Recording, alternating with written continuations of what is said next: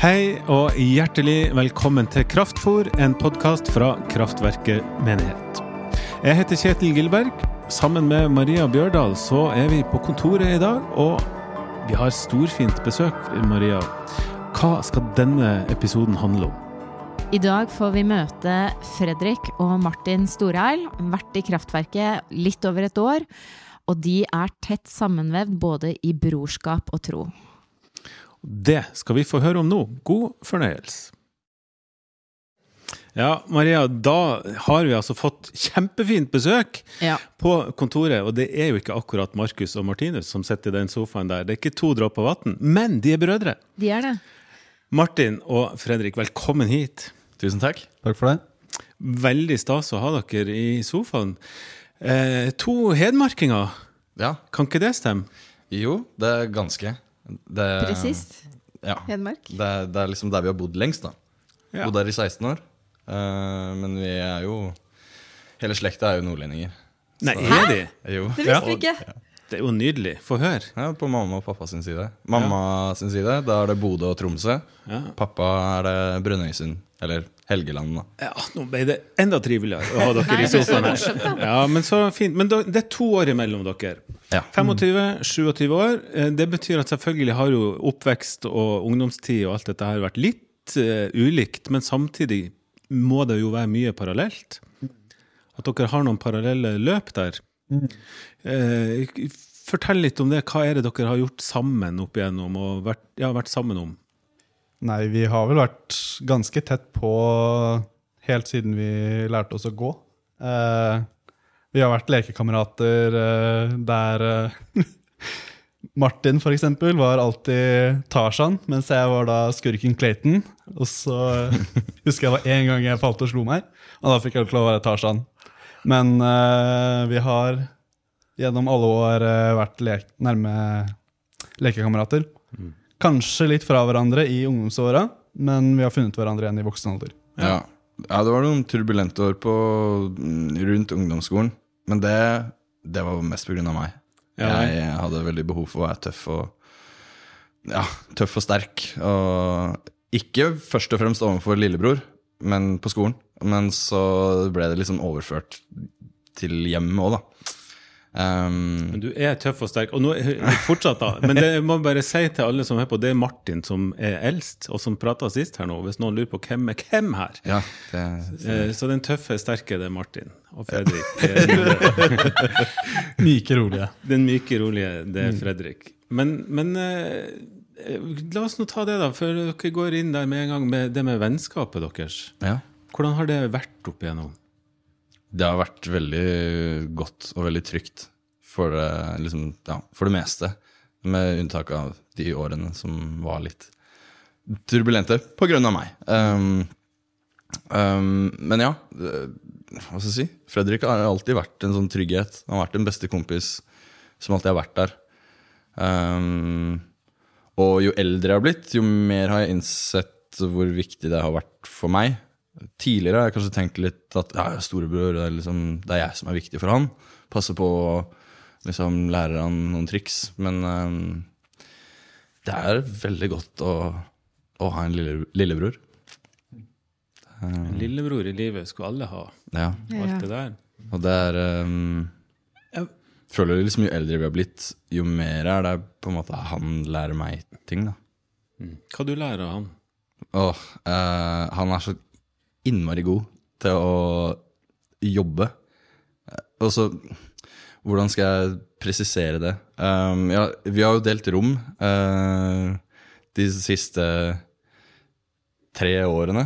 Um, og jeg har sett han jobbe med skole og prosjekter og ditten og datten. Og han bare Han er så nøyaktig, nøy, nøysommelig, da. Og, og får masse skryt uh, av lærerne sine på skolen og av uh, klassekamerater og kolleger og um, Ja. Uh, Ja, ordentlig Og det, der er ikke jeg like flink, da. For meg er det litt mer kaotisk. Litt sånn i rykk og napp.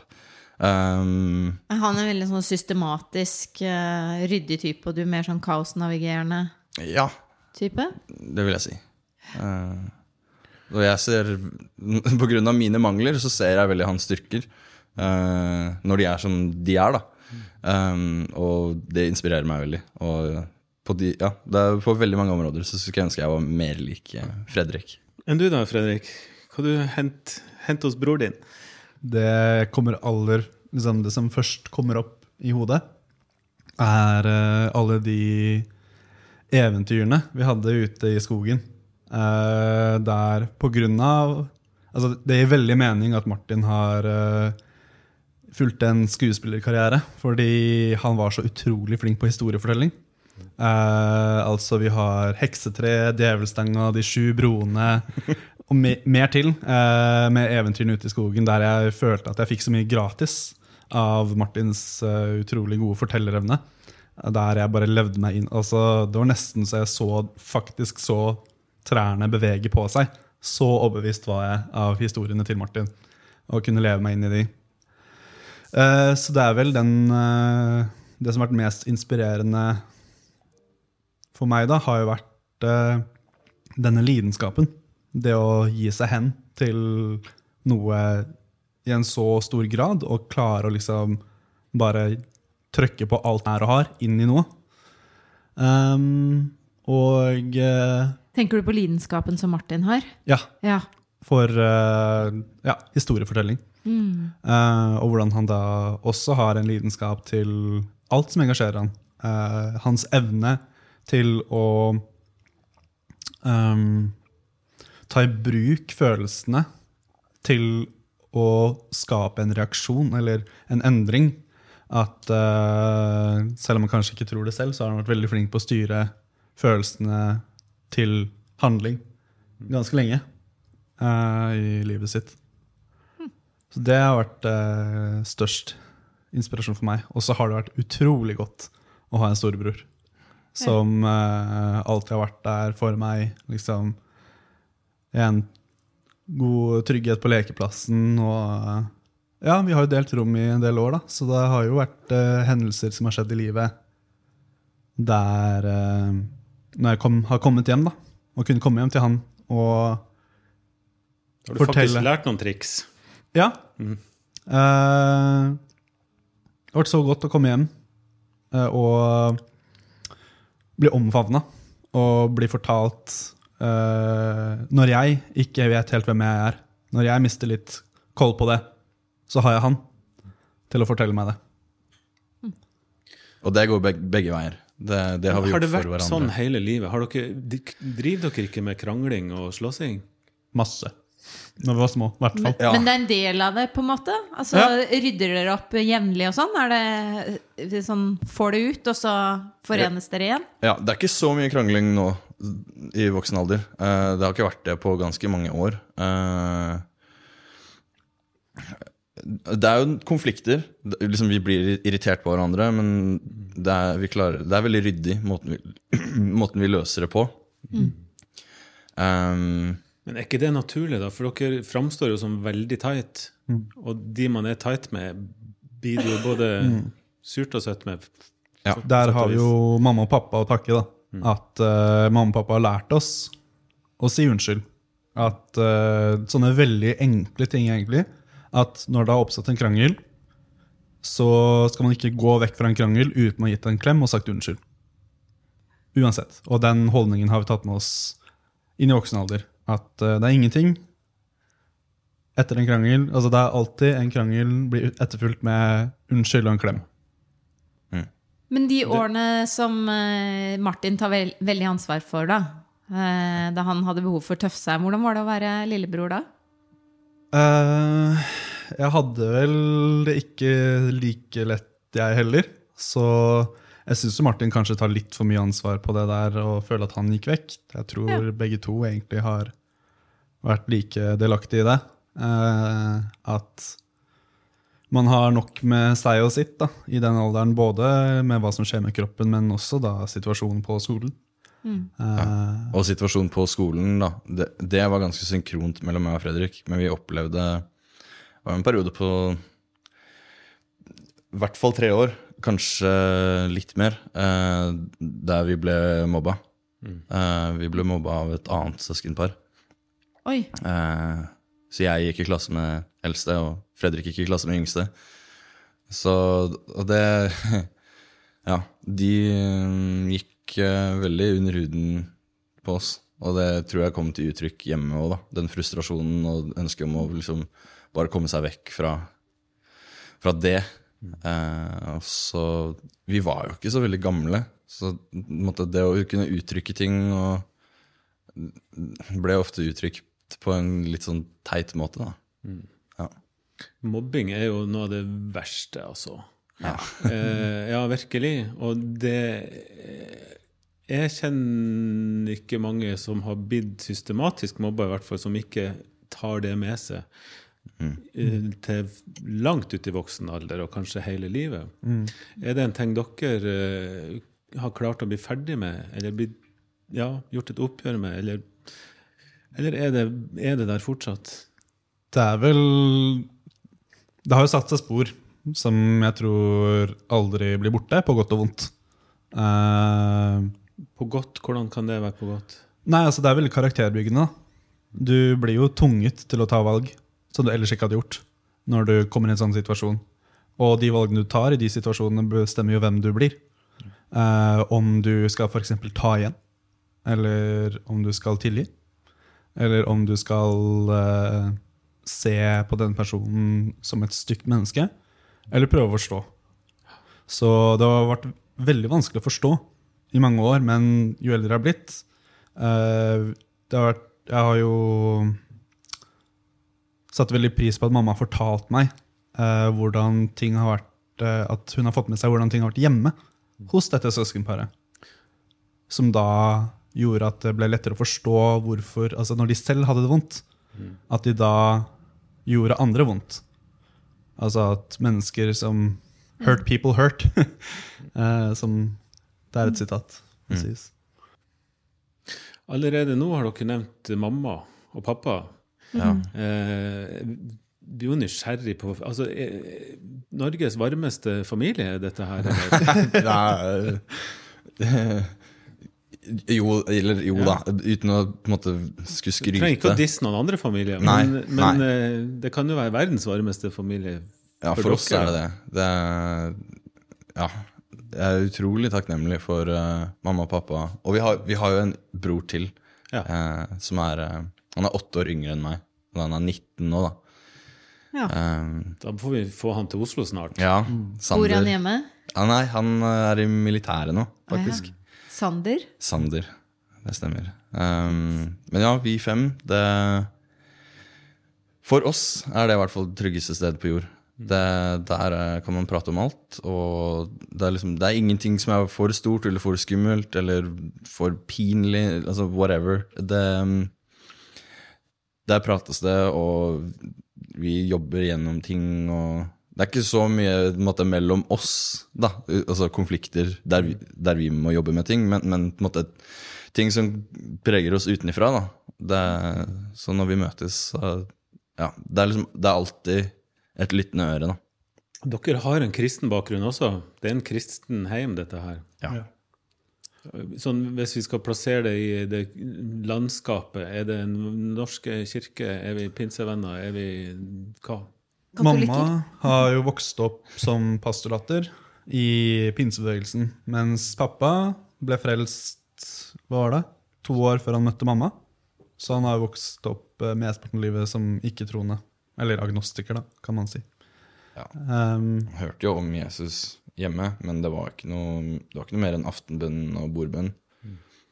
Så han var vel sånn 22-23 da han tok valget selv. Mm. Uh, og det er jeg veldig takknemlig for. Eh, At han hadde det sånn? ja. Eh, at han hadde liksom et perspektiv fra utenfor et veldig etablert kristent nettverk. Eh, det hadde jo mamma. Så vi har på en måte fått begge de verdenene. Eh, og da vi var yngre, så hadde mamma mest å si, på en måte. Men ettersom vi har blitt eldre, så har vel mamma også skjønt at eh, det er ikke alt fra pinsebevegelsen som har vært så veldig sunt. Um, Det har vi lyst til å høre litt om. Ikke akkurat hva som har vært sunt og usunt, men, men hvor dere kommer fra og trua deres. Det, denne podkasten vi holder på med her i Kraftverket, den, når vi snakker med dere og mange mange andre, så er vi veldig nysgjerrige på trua.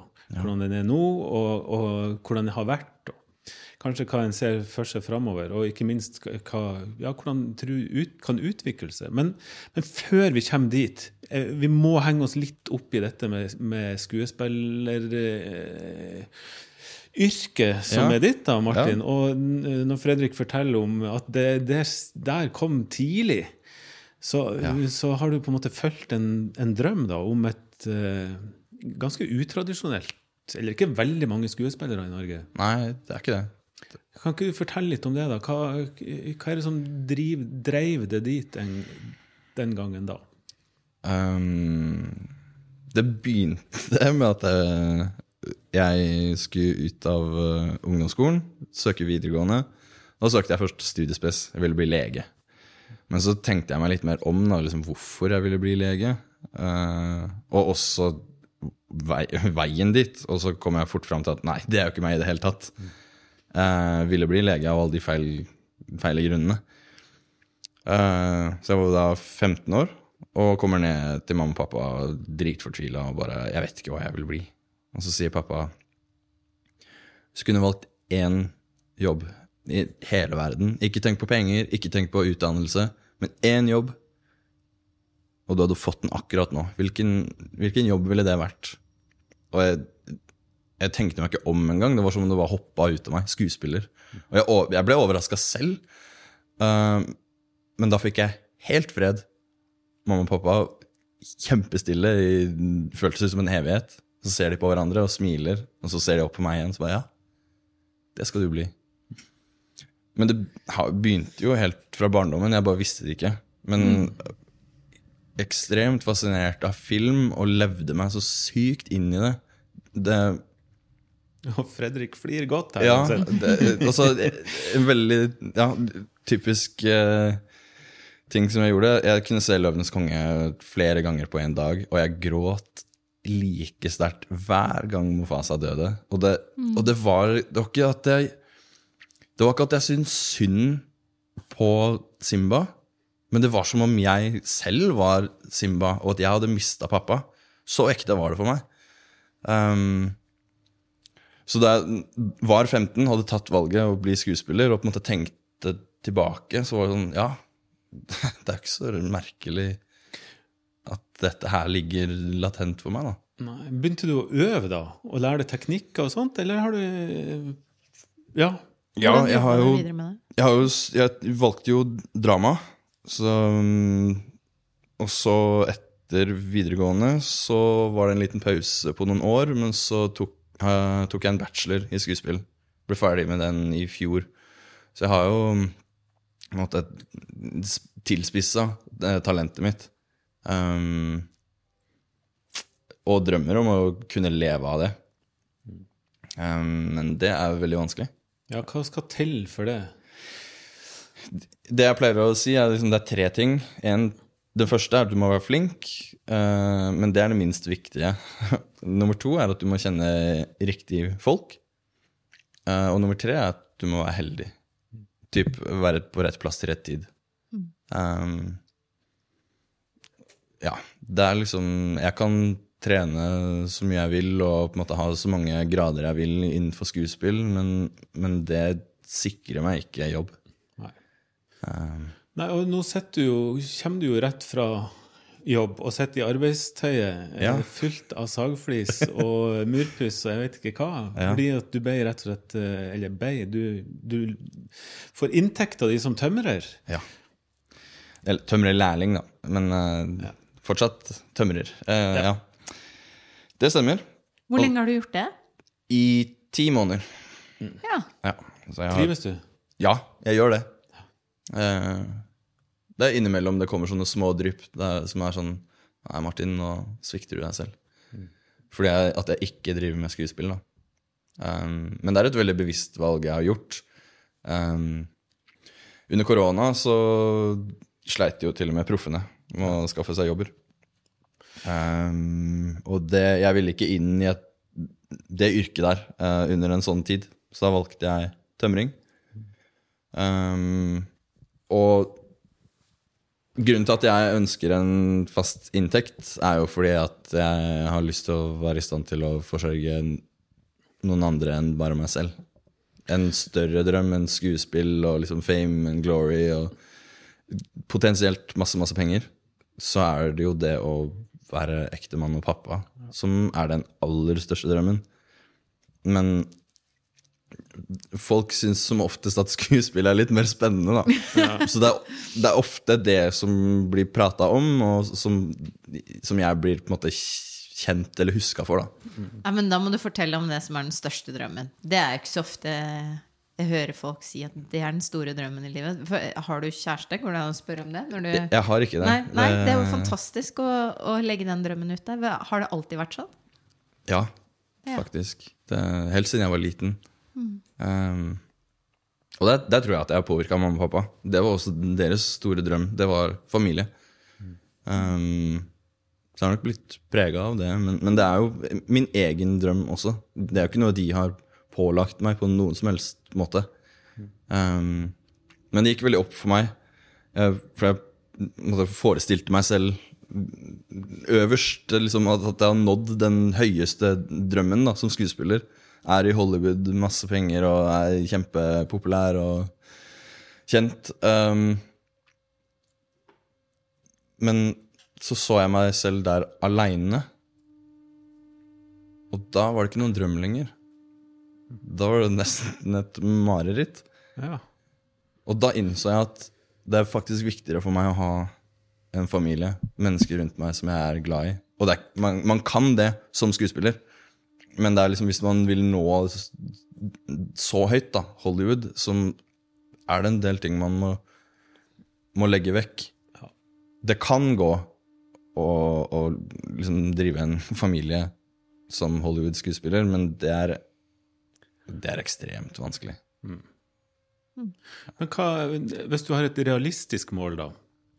Altså Ikke at Hollywood er nødvendigvis urealistisk, men realistisk med å klare å kombinere disse to tingene? Ja.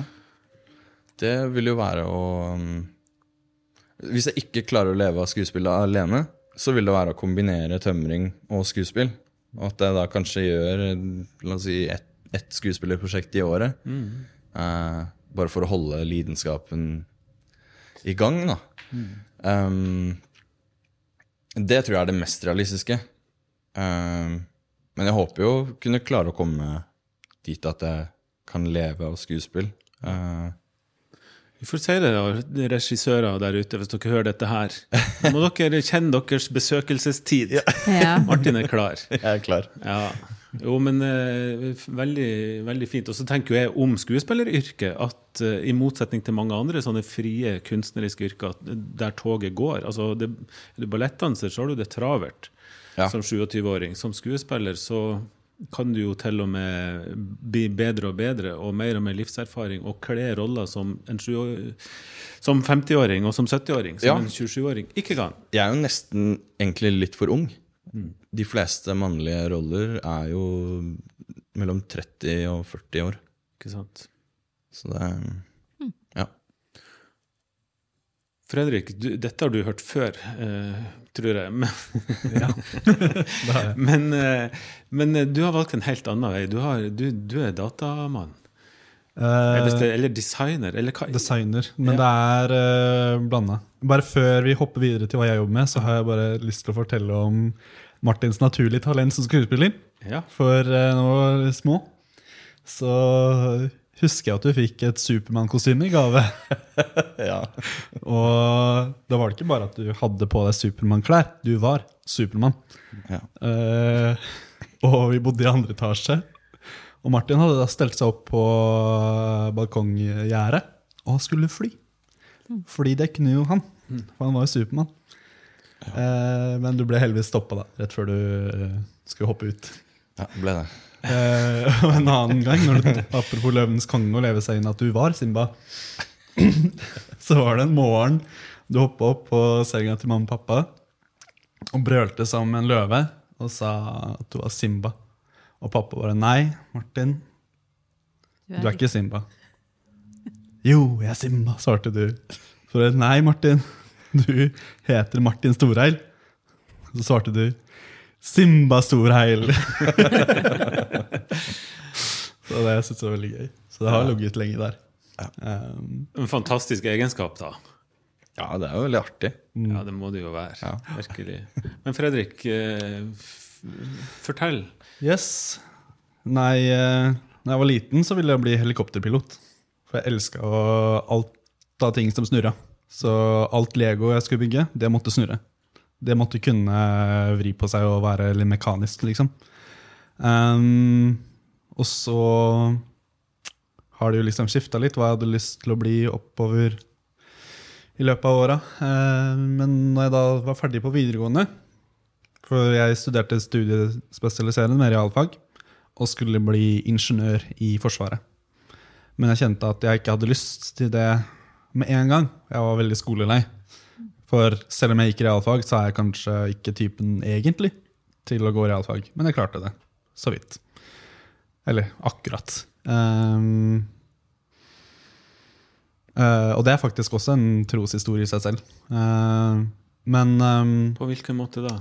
Nei, at uh, På måte var ikke studiespes med realfag Det initiativet kom ikke fra meg selv. Jeg følte at det var noe Gud kom med. Eller husket at det var en utfordring han kom med. Så sa jeg ok, greit. Uh, jeg gjør det på ett premiss. At du får meg gjennom det. Uh, første året kom jeg ikke opp i eksamen. Andre året så er jeg den eneste realfagseleven som ikke kommer opp i realfagseksamen, men i historie og filosofi, får sekser. Tredje året så kom jeg ikke opp i realfag noe som helst, men historie og filosofi, norsk, og siste eksamen min er religion muntlig, der temaet er frelse. Så jeg syns jo at Gud har eh, en sans for humor. Eh, så, og det var veldig spesielt, fordi jeg skulle sammenligne veien til frelse mellom buddhisme og kristendom. Så jeg øvde på buddhismebiten, og så fikk jeg det for meg at Nei, vet du hva? Gud, du har eh, gitt meg veiledning og hjelp gjennom tre år, så du skal få denne biten. Og som pinsevenn så lærer man jo om Den hellige ånd, og at man skal få ord idet man skal åpne munnen. Så det var ikke tungetale, men det var rett og slett at jeg lot Gud gjennom meg forklare veien til frelse foran sensor og læreren. Og det er først, liksom, Jeg har aldri opplevd et gudsnærvær i et klasserom, men det gjorde jeg da. Både sensor og lærer begynte å gråte. Uh, for de opplevde det så sterkt. Det Husker du hva du sa? Nei. Du Nei, så det, Jeg husker ingenting. jeg blir jo kjempenysgjerrig på dette her. eh, Altså, hvordan er den dialogen mellom deg og Gud er? På en måte i dette her, Er det sånn at du hører stemmen hans inni deg? Eller eh, tenker du den, eller kommer den utenfra inni? Hvordan, eh, hvordan opplever du Altså, dialogen med Gud? det er ikke som å høre noen snakke til meg, men den føles på en måte jeg ikke kan forklare. Men det er noe som oppstår inni meg som jeg vet ikke kommer fra meg. Uh, og, så kan man Ja, men hvordan vet du at det er Gud? da? Jo, for det er alltid godt. Det er aldri anklagende. Og det er alltid, selv om det er vanskelig, så er det alltid til oppbygging. Um, så det er på en måte sånn jeg skiller på det. da. Uh, og ettersom årene går, for jeg husker at pappa fortalte meg når jeg var kanskje sånn åtte år gammel, at jeg hadde en indre stemme i meg som fortalte meg rett og galt. Eh, og at den stemmen du lytter mest til, er den som kommer til å vokse. Gjør du masse, liksom Hvis du hører på den som gjør galt, så er det den som triumferer. Mens hvis du hører på den som er rett, så er det den som vinner. Og jeg har liksom kjent at den stemme, indre stemmen da, alltid har vært Gud. Uh, og det kjennes rett, og det kjennes godt. Og når man lytter til den, så har den liksom bare blitt Jeg kjenner den igjen. Så mye lettere uh, i voksen alder. Um, Er dette en stor del Har du det sånn fortsatt? Dette er jo en stund siden akkurat den episoden. Ja, det vil jeg si. Um, når det kommer til større avgjørelser i livet, om hva som peiler ut hvilken retning jeg skal ta, så er jo den stemmen absolutt til stede. Um, og da er det godt å kunne kjenne den igjen når, um, og få gode råd og tips til det. Um, etter videregående så gikk jeg på folkehøyskole, og det var ikke akkurat den stemmen som fikk meg til å velge folkehøyskole. Uh, men jeg valgte en kaffelinje der fordi jeg er veldig glad i kaffe. Um, og uh, det var en kreativ linje også, så vi hadde besøk av mange forskjellige lærere. Og kjente da at når den læreren som var på besøk, som kunne grafisk design, var der, så vekket det noe gnist i meg som kjente at ja, dette her er det jeg skal. Um, og jeg sammensvarte med stemmen om spurte spørsmål. Liksom, ja, ok, Gud, eh, hva synes du? Og så fikk jeg svaret Nei, du velger, du. Og da kjente jeg at vet du hva, det er grafisk design jeg kan velge. Og det var så deilig å kjenne den friheten. da til å kunne faktisk ta et eget valg òg. At uh, Gud har Gud sin plan for mitt liv. For jeg har hørt det hele livet, at Gud har en plan for livet mitt.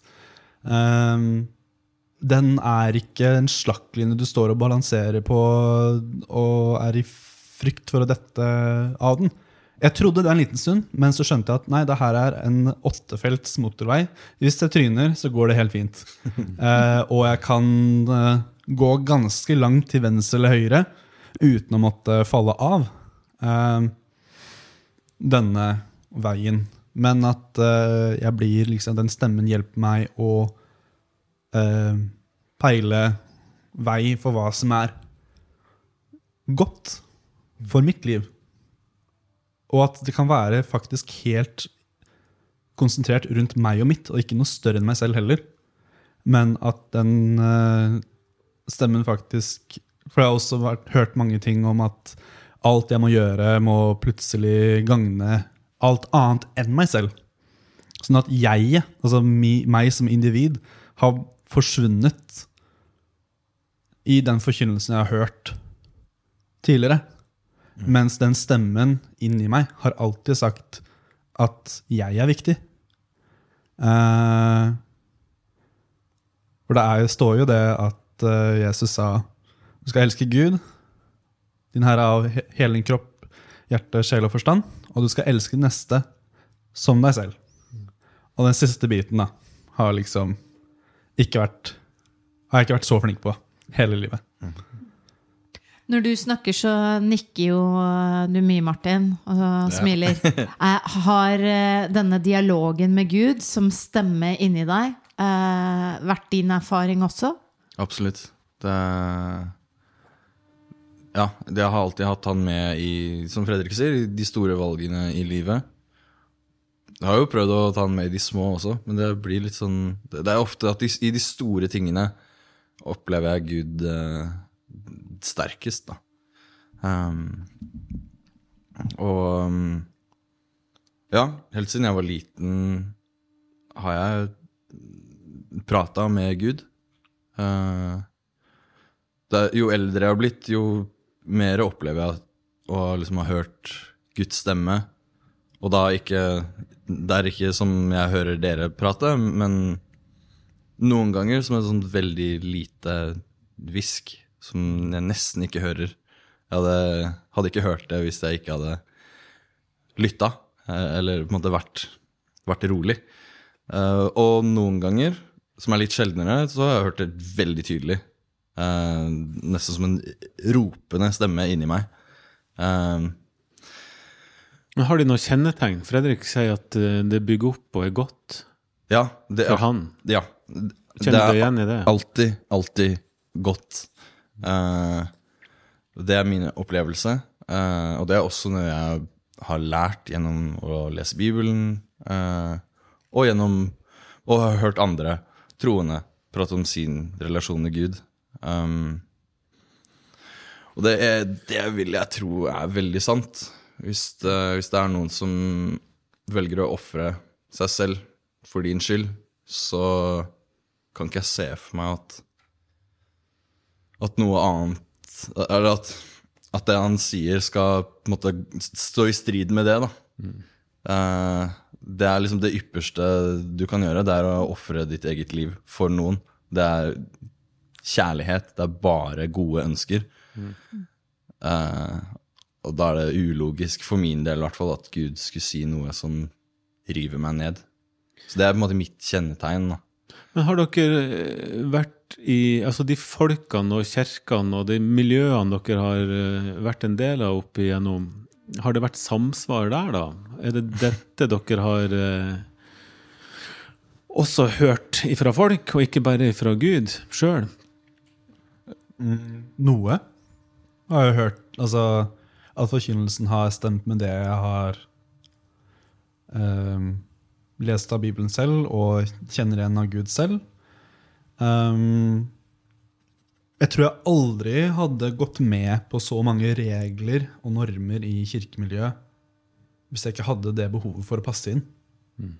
Eh, jeg tror det er derfor jeg valgte å følge de tingene som jeg egentlig ikke var helt enig med. Men det var bare at jeg hadde så himla lyst til å være en del av noe. Um, Men du sier at det er masse regler du har fulgt. Ja. Betyr det at de miljøene og de folkene dere har vært en del av, da, har hatt veldig fokus på det? På ting som er lov og ikke lov? Uh, ja. Det vil jeg si. At det man har hatt et ideal om hva som er den perfekte kristne. Hvordan ser det ut? Den perfekte kristne uh, gir kollekt. Uh, går um, Det er veldig mange ting den ikke gjør. Uh, drikker ikke. Røyker ikke. Snuser ikke. Um, den perfekte kristne uh, kommer i kirka hver søndag. Tjenestegjør. Eh, behandler de eldre med respekt. Eh, banner ikke. Er enig i alt som sies på plattformen. Ja, Stiller ikke spørsmål. eh, setter ikke grenser for seg selv. Ehm, men det er helt lov å lyve og baksnakke. Oh. Og spre rykter. Det er lov. Visstnok.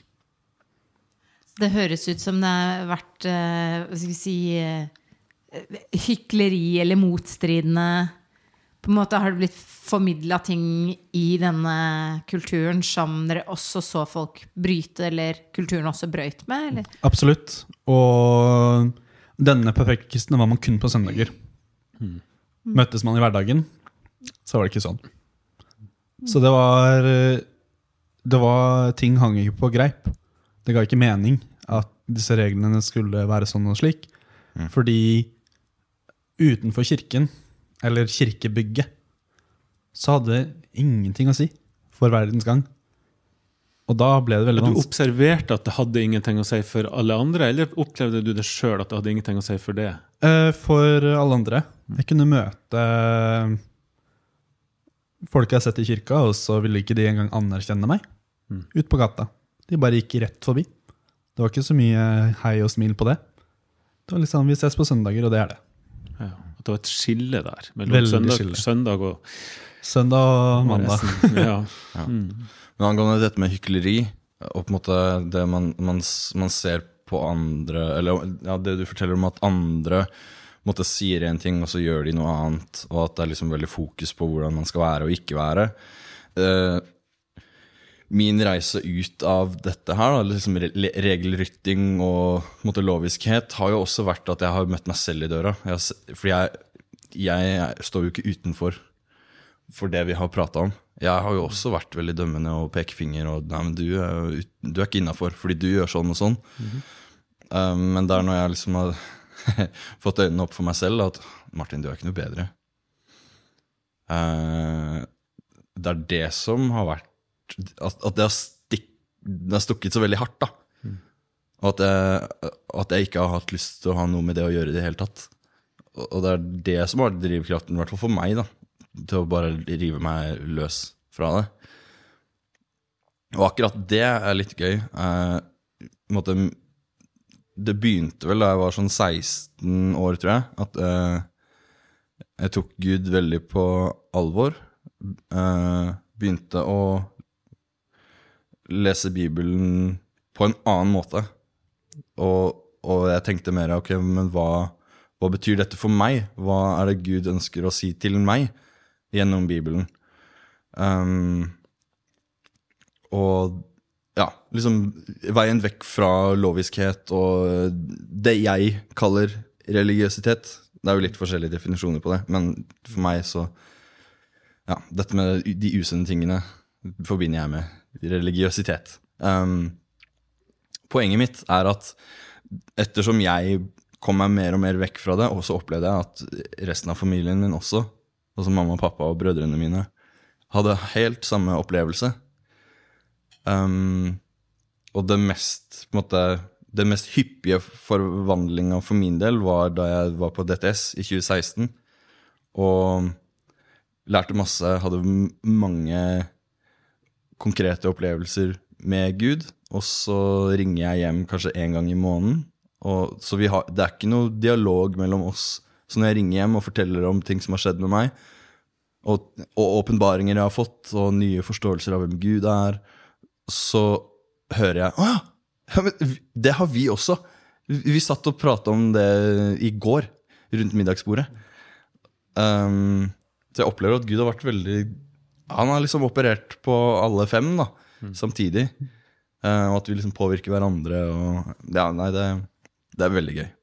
Så det, Det- høres ut som en veldig spennende fase i eh, både ditt og hele familiens liv, da, der du var på DTS og eh, fikk bearbeida veldig mange usunnheter i troa di og Ja. bildet av Gud, og så skjer det samtidig eh, i et hus på Stange. Er det ikke omtrent der dere bodde? Stemmer. Ja. Må bare forklare DTS. Det er Ungdom i oppdrag. Ja. Organisasjonen som sender ut folk. Disippeltreningsskole. Disippeltreningsskole. Mm.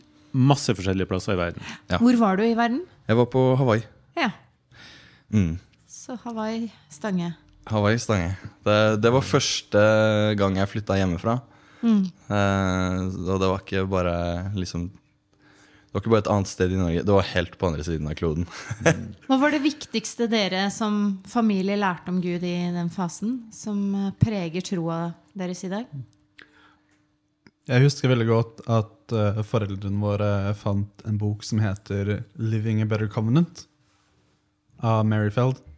Eh, der, og der Mary tar opp dette da nettopp med loviskhet, og at uh, troen er egentlig basert på nåde, og ikke eh, handling. Og det er vel svaret med to streker under. Det er nåde det handler om. Nåde, kjærlighet og liksom aksept, da. Eh, Så det har, egentlig, det har jeg egentlig aldri tenkt på før, at du var på helt andre siden av jorda. Men tross den distansen, da, fysisk, så var vi fortsatt nære i hva Gud fortalte oss individuelt, men også som familie. da. mm. På hvilken måte har dere eh, opplevd nåde? Og det er Ja. Det, um... En ting er å lese den boka, som Ja. jeg aldri har hørt om. Den må jo bare få lån, eh, eller finne. Og, Men, men eh, nåde er jo ikke en teoretisk øvelse. Det er jo noe som For at det skal sige inn, for Mm. at en skal skjønne hva det er, så må en på en måte få en erfaring med det. da, At det er Ja. at Gud, hva, hva Guds nåde er. og hva har, Eller stille på spørsmålet på en annen måte. Hva har Guds nåde gjort med dere, da? det mest, den mest konkrete opplevelsen jeg har hatt i forbindelse med det, med nåde jeg, jeg vil si at det var da jeg virkelig skjønte jeg vet, altså, Om man noen gang 100 fullt forstår Guds nåde, det vet jeg ikke. Men, men det, det var den gangen det ble ekte for meg. I den forstand at det, det forandra hele meg, hvordan jeg følte det med meg selv og mitt forhold til Gud. Uh, den tryggheten jeg da fikk uh, hos Gud. Og det, dette var rett før DTS, faktisk.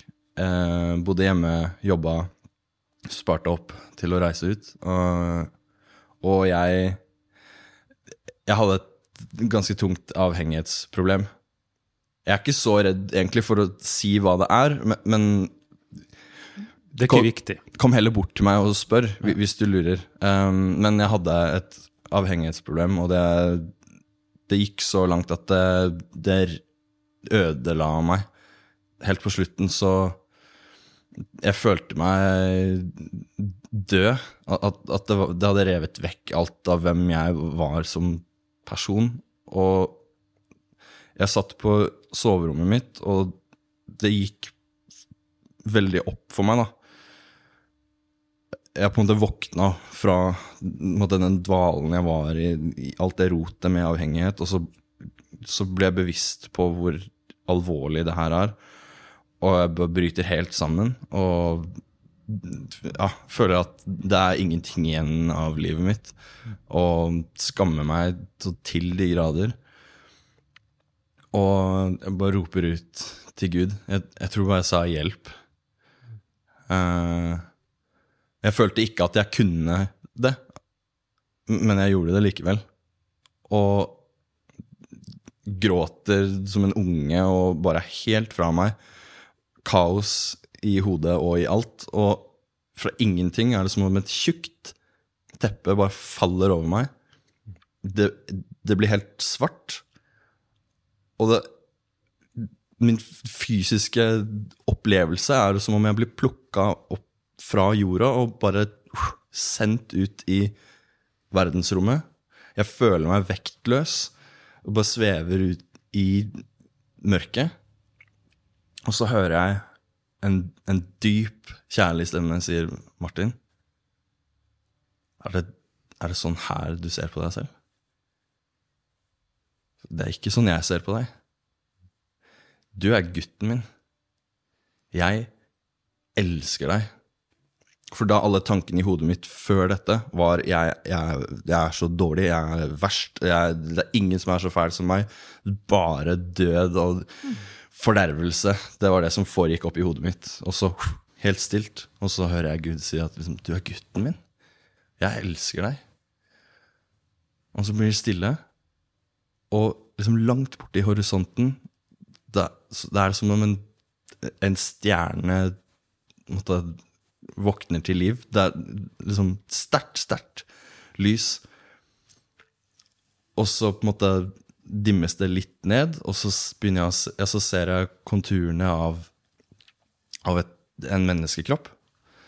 Og etter å ha vært kristen i mange, mange år, så, så jeg skjønner med en gang at det her er Jesus. Det er ingen tvil hos meg. Det er Jesus. Og han kommer, kommer gående mot meg. Og jeg blir jo kjempegira. Liksom.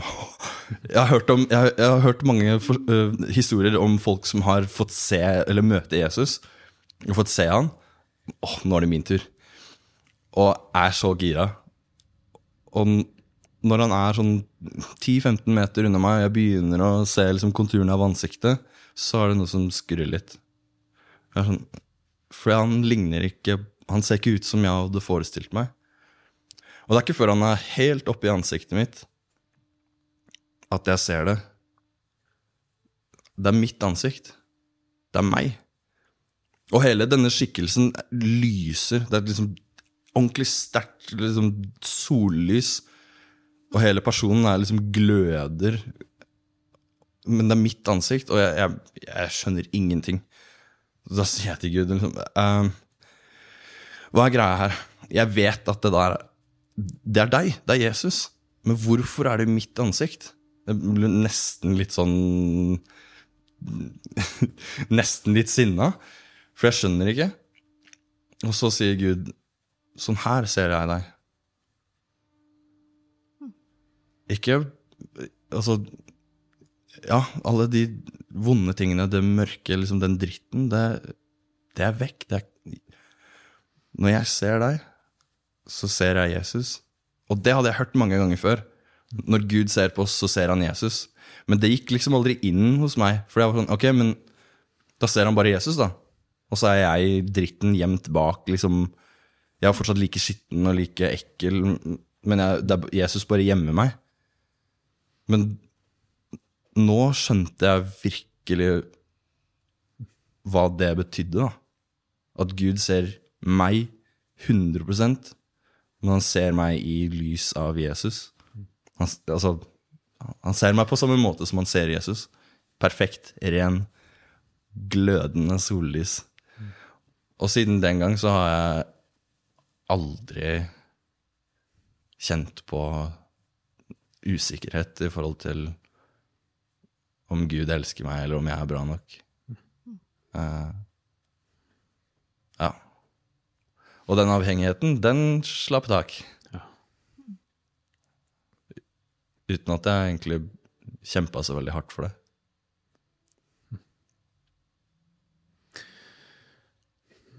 Det var intenst og sterkt å høre.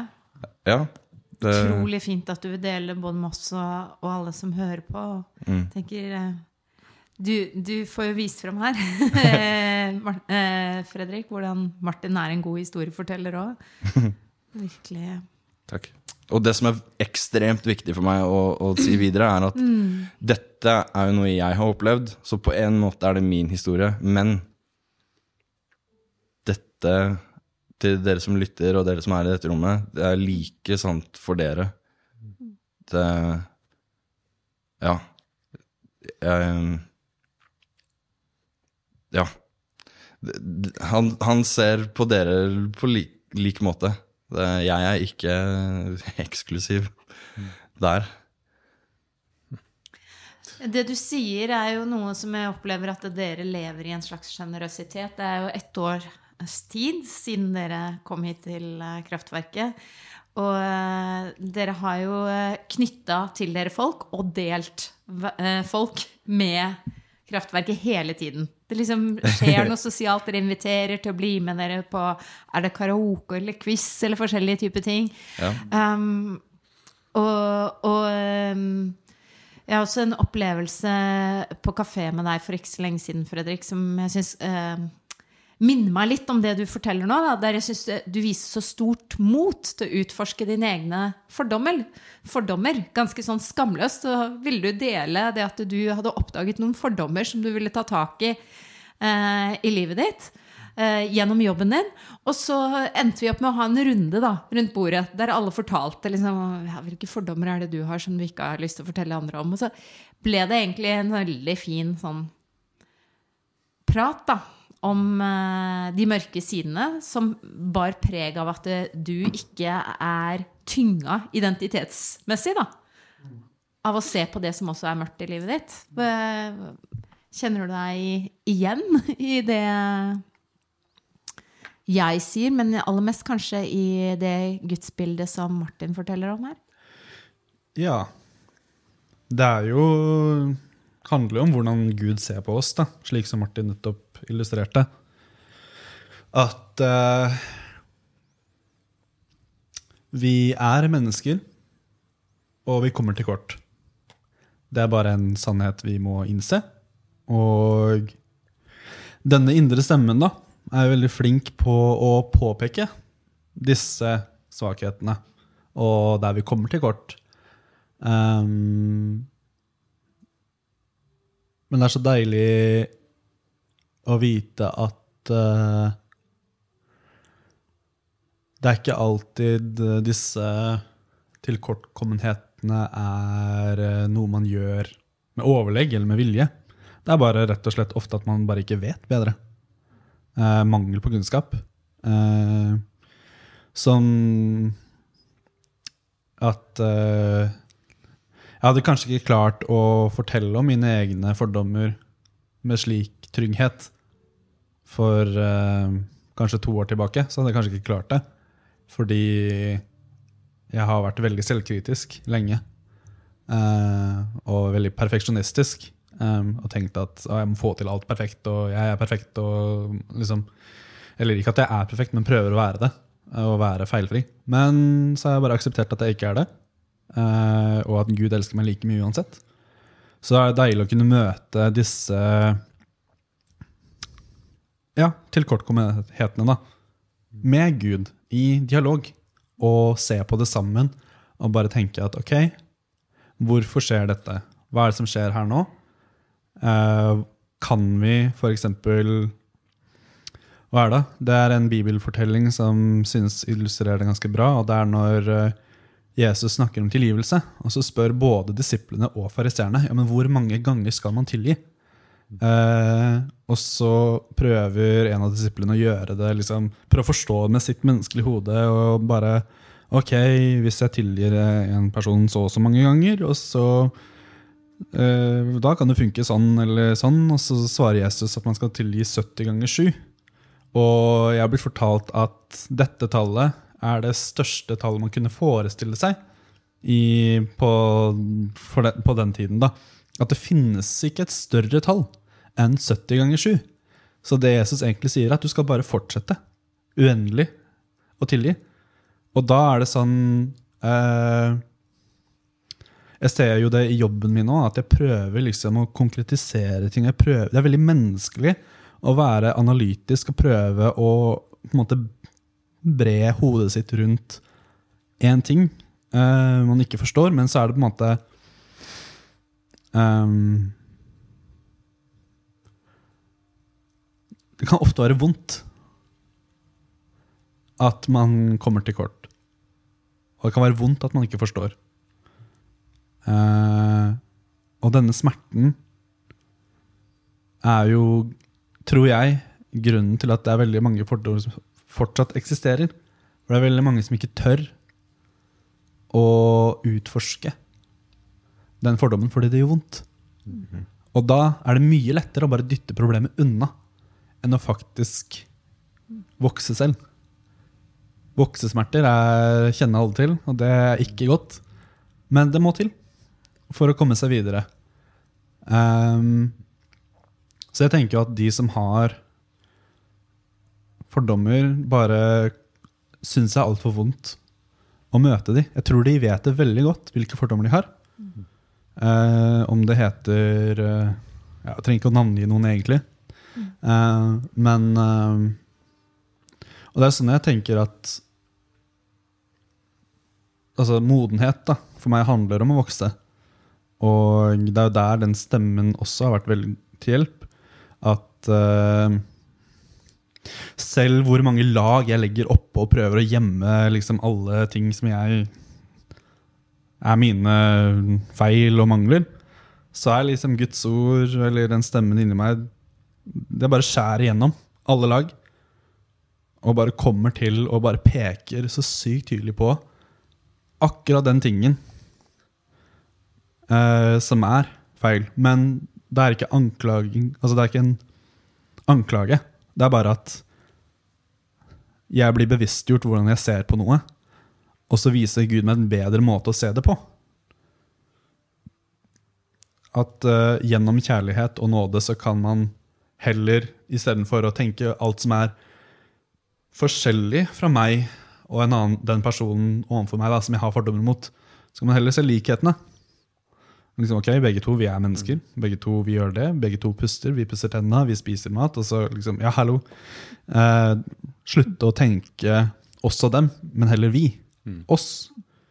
Eh, og det er kanskje den tankegangen da, om splittelse som jeg kanskje har aller mest frustrasjonen overfor fra de miljøene jeg har gått tidligere. At det handler alltid om at min identitet i Kristus har vært så mye Eller jeg har blitt fortalt at min identitet i Kristus handler om hvor mye jeg skiller meg fra verden.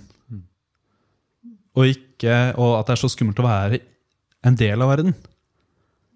Jeg forstår hva Bibelen sier om at vi ikke skal bli lik verden, men man må, vi lever fortsatt i den.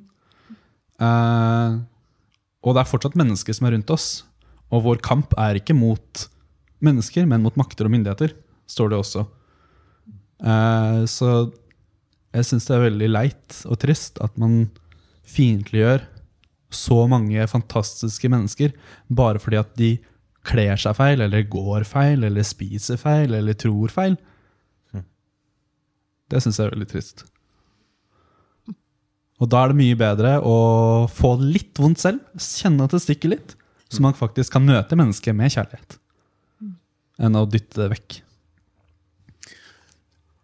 Det med voksesmerter, det syns jeg jo er en utfordring. Hva tenker du, Kjetil? Nei, tenker, ja, voksesmerte er alltid vondt, det. Men jeg er veldig glad for eh, refleksjonene deres. Og det, Ja. som, det, det er mange ting som slår meg. Jeg vet ikke hva som slår alle som lytter. Men vi, vi er nødt til å avrunde ganske snart. Men jeg har lyst til å si da, når jeg hører dere og møter dere og er sammen med dere, også i dag, så, så eh, oppleves trua deres som, som veldig rotfesta.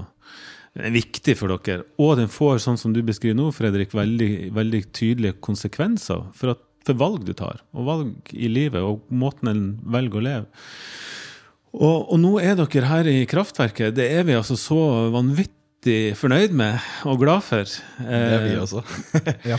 Jeg håper jo dere også trives her. eh, eh, Og eh, ja, kan vi ta den parentesen, da? Første gang eh, jeg traff Martin, eller vi møtte hverandre, det var jo på vei inn til kraftverket. Vi var på et, en, eh, en eh, sånn greie som er i Oslo, som heter Velkommen til Oslo, der en hel haug med kristne menigheter står og gjør seg deilig for nye studenter i byen. Ja, men det, det er sikkert 15-20 menigheter som har stand da, sånn på Sankthanshaugen, og der er det hundrevis av folk. Og så føler du deg litt klein du står på stand der og skal liksom sant? Og så tenkte du at ja, ja, alle disse andre menighetene får nå bare ta alle disse her. Vi får nå bare stå her. Men så dukka Martin opp i mylderet. Og så er vi gjengen på Kraftverket og han der, han skal vi ha. han, han, han Av en eller annen grunn skilte det ut av Martin fra mengden, og vi tenkte ja, der, han må vi bare kapre. Resten kan de andre få. Men Martin han må vi få til Kraftverket. Han, han kommer til å berike oss, og vi, kanskje dette kan være et bra sted for ham. Det tenkte vi. Det var, og, og, og sånn Så dukka du nå opp, da. Det var helt fantastisk. Ja. Så eh, ja, det var en parentes. Men nå er dere her, og, og um, jeg lurer på til slutt eh, Den trua som dere har, eh, den ser ut til å være vanskelig å slippe tak i. Den trua dere har, den betyr noe i livet. Og den er, sånn som dere sier, den, er, den fører til gode ting hele tida. Som jo er Og vi syns er Det er et, et godt kompass å navigere etter akkurat det. Ja. Um, og så er spørsmålet vi, fra meg og Maria, da, som skal lede denne menigheten, hvordan, hvordan, på hvilken måte kan, kan kraftverket strekke seg i større grad enn i dag, da? Til at, den, til at alle som kommer hit, får ei sånn tru, som er lys, som er fordomsfri, som er trygg, og som er et godt kompass, og som hjelper en til å leve et, et liv sånn som dere beskriver. Hva kan vi gjøre? for å hjelpe folk til det? Oi. Stort spørsmål. Um, jeg syns allerede dere gjør veldig mye rett. Det er en veldig stor åpenhet, opplever jeg, da, i kirka. Um, man må ikke tro eller tenke det samme, men alle er enige om at her er det rom for å være annerledes. Det er rom for å være akkurat den man er. Om så det skulle være litt ubehagelig. Og det er noe av det som trakk meg hit. Um, det å være være litt tøff, da. Tørre å prate om de vanskelige tingene. Jeg er veldig sånn, jeg dras mot det som skremmer meg. Det er nesten sånn at jeg å, Det må jeg bare gjøre. Det må jeg finne ut av. Um, ja, hvis det, hvis, det- hvis det skremmer meg, da. Um, så det er vel kanskje det, da. Tørre å snakke om uh, sånne ting som uh, kristne vanligvis ikke tør å snakke om. Ja, hva kan det være? Å, avhengighet. Eh, I alle former og farger og fasonger. Eh, legning. Det, der, er dere, det, der gjør dere allerede, allerede ganske mye. Um, hva annet? Eh, Du har nevnt to store her. To Ja. Fredrik, hva- har du et, en tanke om det? Hva, hvordan vi kan legge til rette for disse tingene? Um, jeg er enig med Martin at dere gjør veldig mye allerede godt. Uh,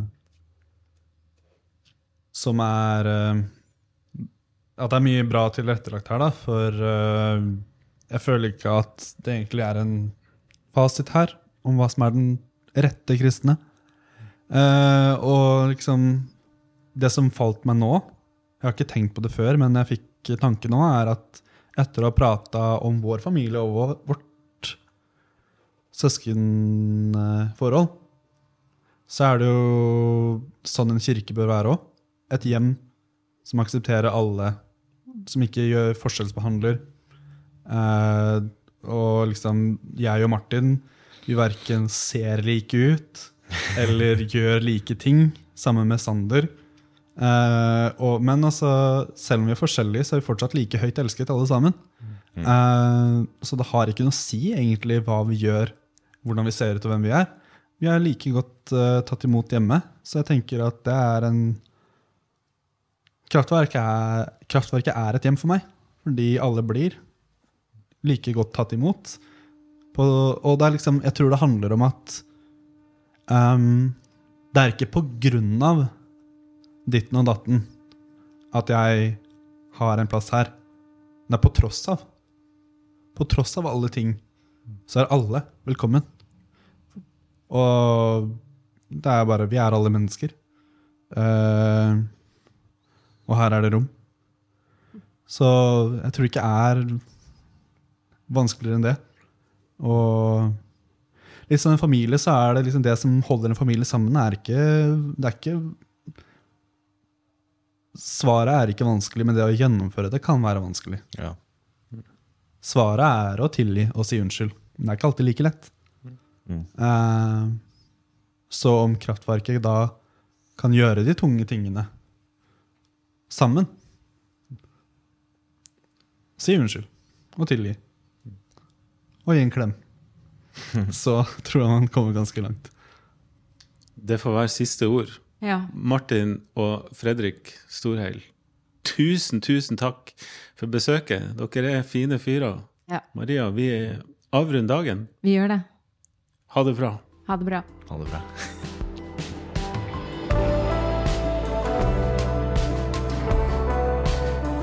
Kraftfor er en podkast for Kraftverket menighet, ledet av Maria Bjørdal og Kjetil Gilberg. Kraftverket har gudstjenester hver søndag på Bislett i Oslo klokka fem. Og ønsker du å støtte Kraftverket økonomisk, så kan du vippse til 10393. Og ønsker du å støtte Kraftverket på en eh, mer fast basis, så kan du gå inn på gitilkraftverket.no. Abonner på Kraftfor, og tips gjerne andre om podkasten.